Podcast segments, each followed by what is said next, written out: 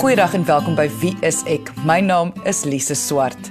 Gereeld skryf iemand vir my persoonlik 'n e-pos net om te vra hoe dit is om 'n sielkundige te sien. Of iemand wil weet wanneer gaan hulle weet of hulle professionele persoon soos 'n sielkundige moet sien. Natuurlik is dit moeilike vrae om te beantwoord want elke individu se omstandighede gaan verskil en die redes hoekom hulle vir hulp soek sal almal verskil van mekaar. Maar ek het toe gedink om twee sielkundiges te vra om die proses van terapie vandag vir ons te verduidelik. Sodat indien enigiemand wat al ooit gewonder het, hulle dit nou hoe sal mens nou sê direk van die perd se bek kry.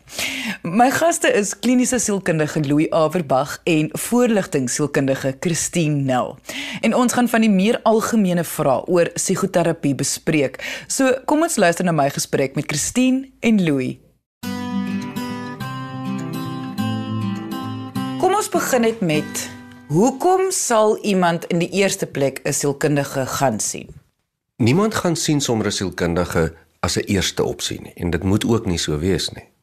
Jy's met ander woorde in die moeilikheid. Jy sukkel met iets wat jy nie self kan uitsorteer nie, want as jy dit self kan uitsorteer, was jy nie by 'n persoon wat daarmee spesialiseer nie. Aan die een kant van die spektrum sien ons mense wat se lewens regtig baie beduidend beïnvloed is deur 'n sielkundige verstoring soos depressie of angs of obsessiewe kompulsiewe verstoring of trauma, enigiets van die ander versteurings. Maar aan die ander kant van die spektrum sien ons ook mense dat, wat graag wil groei en graag meer van hulle self wil leer ken en waardeer en eintlik maar net bietjie begeleiding of 'n klankbord nodig het. Ideaal sal wees as ons almal proaktief werk en dokter sielkundiges voor die tyd gaan sien voor daar moeilikheid is. Maar ons as mense gaan tog net as ons in die moeilikheid is. So dis 'n wye spektrum van mense wat kan baat by sielkundige dienste.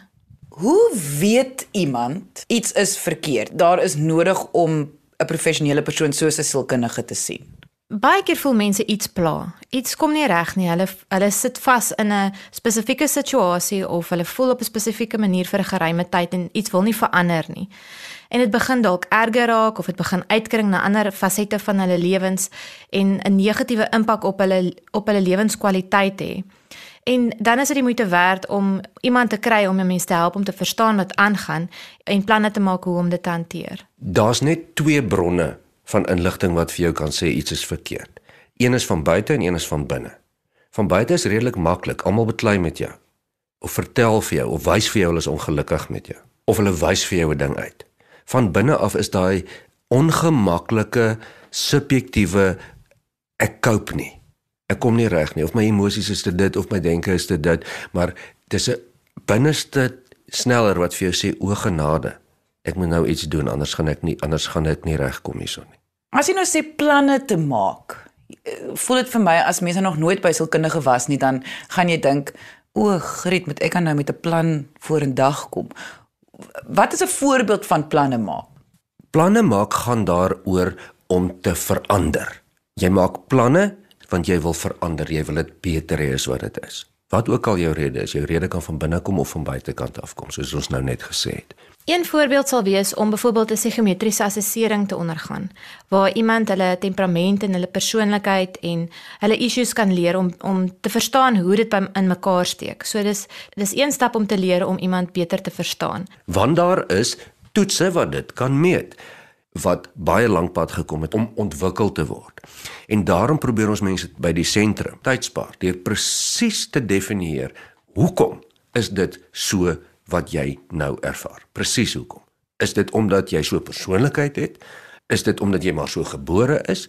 Is dit jou omstandighede wat jou so word? Ons kan dit antwoord. Ons kan dit regtig antwoord. Ons kan selfs vir jou antwoord, maar wat is daai onlogiese issues wat jy het? Daai daai selfbeeld ding, miskien of die aggressie ding, as dit dan nie logies beantwoordbaar is nie, presies hoe werk dit? En dan sit ons saam en maak 'n plan en sê goed, jy het nou dit gesien. Ons verstaan nou hoe werk jou kop. Ons verstaan nou hoekom is die ding soos hy is uit jou perspektief uit. Ons stel voor, ons doen dit, dit en dit. Stem jy saam? Nee, sê die persoon, dit gaan nie vir my werk nie. Dan werk ons 'n ding uit totdat die persoon die kliënt aan boord is. Ons werk saam met die kliënt om 'n probleemoplossingsstrategie te kry. En weer eens Mens is by 'n sielkundige gewoonlik as 'n tweede keuse. Jy wil dit so gou en effektief as moontlik klaar kry.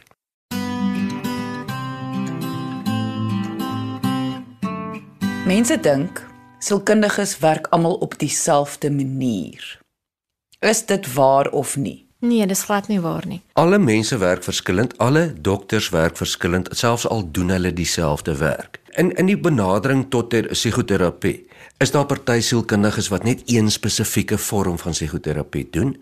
Dis nie reg of verkeerd nie, dis hulle keuse. Ons byvoorbeeld soos ek gesê het, ons doen nie 'n vorm van psigoterapie nie, ons manier van doen. Ons ons assesseer en maak 'n plan en voer dit uit. Daar's baie verskillende maniere om te doen daar's benaderings wat vir sommige mense werk en sommige mense nie. Hoe 'n sielkundige werk hang baie af van hulle opleiding, van hulle ervaring en van hulle persoonlikheid en baie keer van hulle persoonlike oortuiging. So dis belangrik om 'n goeie passing te hê tussen wie jy is en hoe jy funksioneer en wie die sielkundige is en hoe hulle funksioneer. Belangrik dat jy gemaklik voel met die persoon. Julle is oukei okay daarmee as kliënte kies by wie hulle wil wees en jy's dalk nie by jou wil wees nie. Mens moet in gedagte hou dat jy gaan nie na 'n sielkundige, jy gaan nie na die mens toe nie.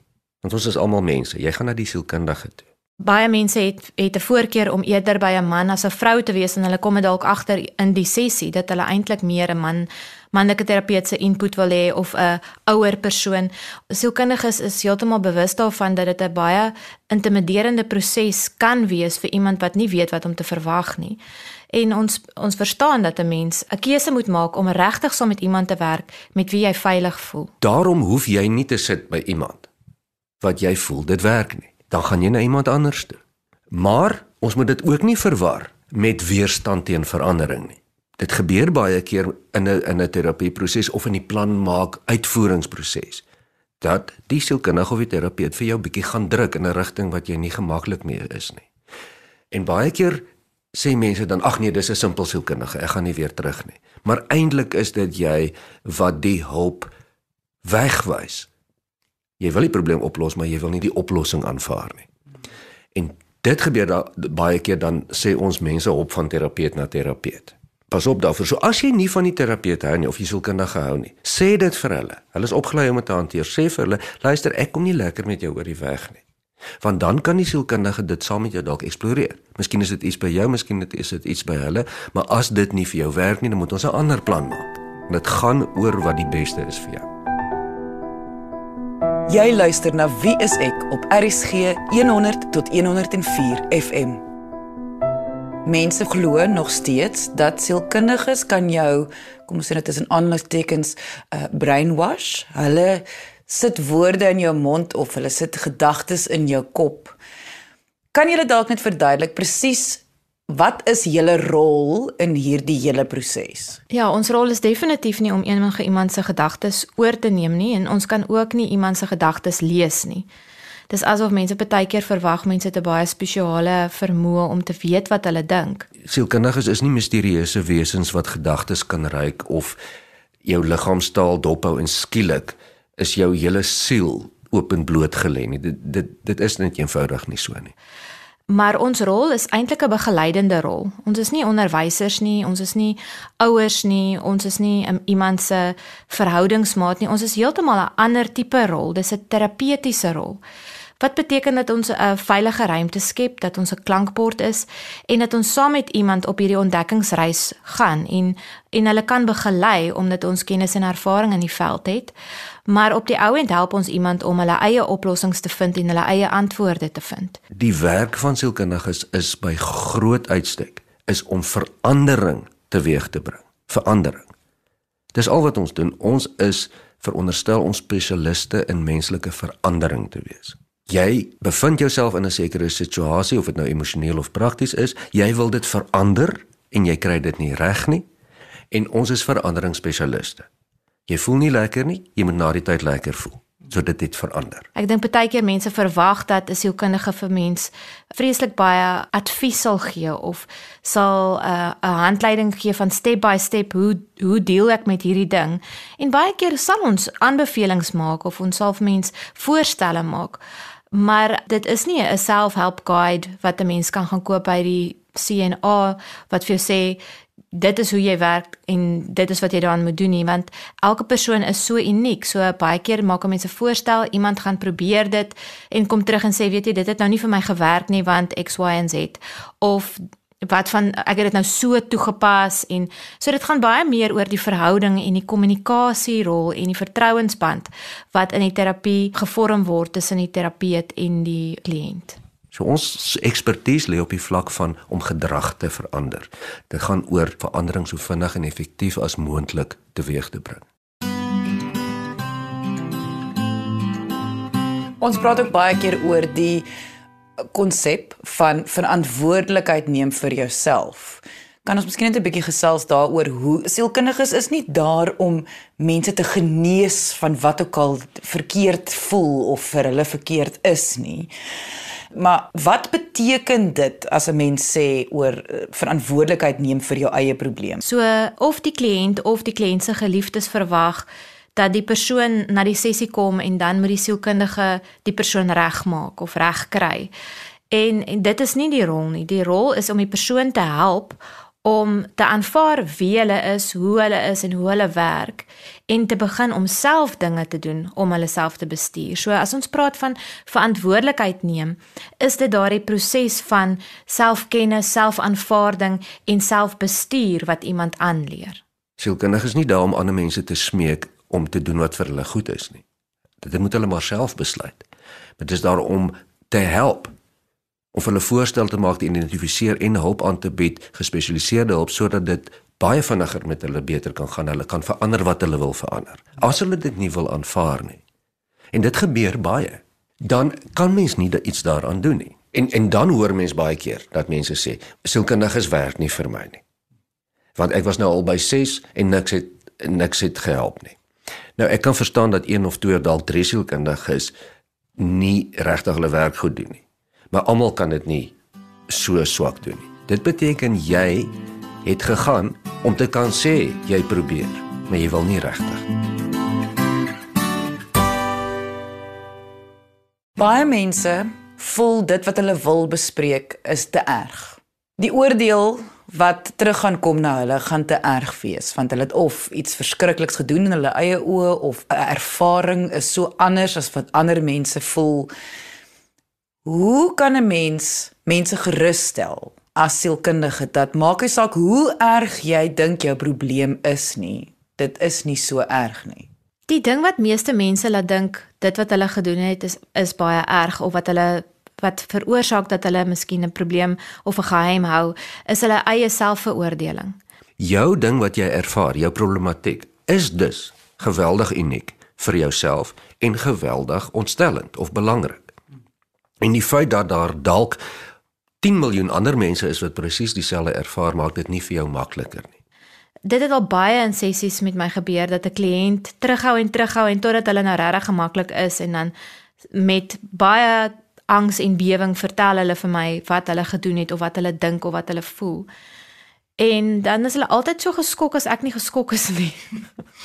maar dit is maar deel van ons werk. Ons luister na die donker dinge wat mense doen wanneer niemand kyk nie of wat wat mense dink wat niemand van weet nie. Ons is gewoond daaraan om dit te hoor en daar's regtig min dinge wat ons nog skok.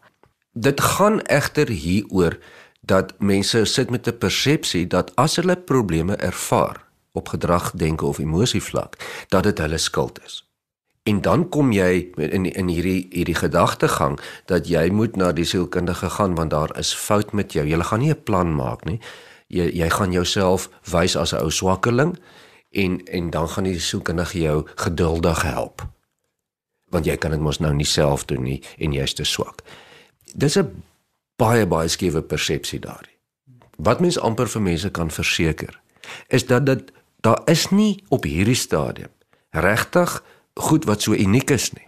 Die skaamgevoelens wat jy het en voel dat jy 'n mislukking is, die vernedering dat jy met iemand anders moet praat, eh, die ongemaklikheid wat daarmee gepaard gaan. Ons is regtig al gewoond aan baie dinge en dit is so belangrik om spesifiek daai dinge wat 'n mens voel jy vir niemand kan sê nie, maar te gaan sê vir die sielkundige. Want dit op die ou end is daai geheimhouding die ding wat 'n mens op die ou end siek maak. En en en dis wat ons as sielkundiges opgelei is, nie om foutloos te wees en nie probleme te hê nie, maar om onsself en ander mense net bietjie te kan help om vinniger by jou veranderingsdoel uit te kom. Want jy hoef mos nie 10 jaar te vat as jy 3 maande kan vat nie. As ek nou dink aan 'n sielkundige, almal het tog hulle eie bagasie. Dit is tog ook net 'n mens. Nou, hoe bly 'n sielkundige objektief en hoe maak jy seker jy bly objektief as dit kom by 'n kliënt? Kyk, ons moet net verstaan dat niemand kan objektief wees nie. Niemand kan 100% objektief wees nie. Dis ook 'n wanpersepsie. Mense dink hulle gaan na die sielkundige toe.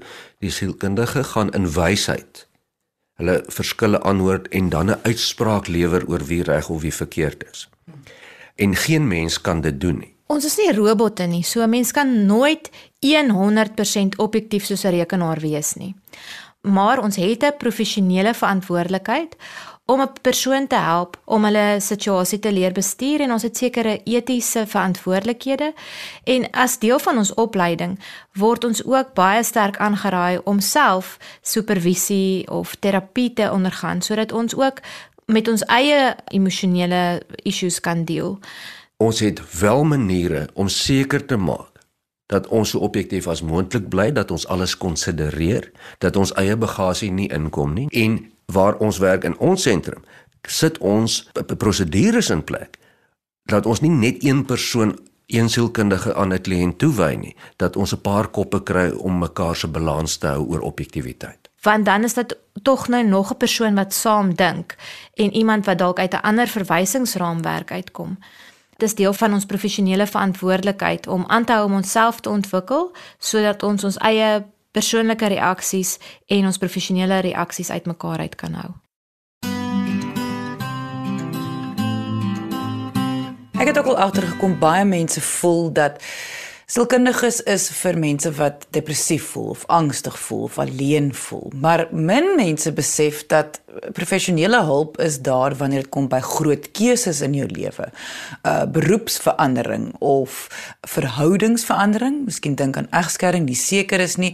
Groot vrae wat ons almal maar mee sukkel van tyd tot tyd. Uh, kan professionele hulp juis ook 'n groot aanwins wees? Ja, verseker want dan het jy 'n neutrale klankbord wat nie persoonlik betrokke is nie wat vir jou kan leiding gee. En selfverryking is altyd 'n goeie rede om ook 'n sielkundige te gaan sien. Want daardie persoon is dan 'n meer neutrale 'n persoon wat vir jou kan refleksie gee op wat hulle sien in jou, wat hulle hoor van jou en hoe hulle jou verstaan. Soos jy tereg sê, om keuses te maak, of dit nou huwelikskeuses of beroepskeuses of opvoedingskeuses is of moet jou kind al skool toe gaan of nie, is hulle al skoolgereed of nie. Dis waar sielkundiges dan ook 'n rol speel. As dit gaan by hulp verandering met ander woorde by kinders wat op 'n autisme spektrum is. Mense met neurologiese probleme en die sielkundige behandeling daarvan en so kan ek aangaan en aangaan. Die prentjie dus van die sielkundige wat met die arme depressiewe iemand sit en saggies praat en emosionele eh, gevoelens uitraal is 'n baie baie onrealistiese prentjie. So ja, dit is definitief baie behulpsaam vir iemand om 'n sielkundige te sien wanneer hulle verstoring het. Maar 'n mens nie hoef nie so lank te wag nie. As daar sekere vaardighede is wat jy wil ontwikkel of soos jy sê groot besluite is wat jy moet maak, dan kan jy hierdie vertrouensverhouding met 'n sielkundige begin wat die pad saam met jou kan stap en jou kan ondersteun in jou besluite.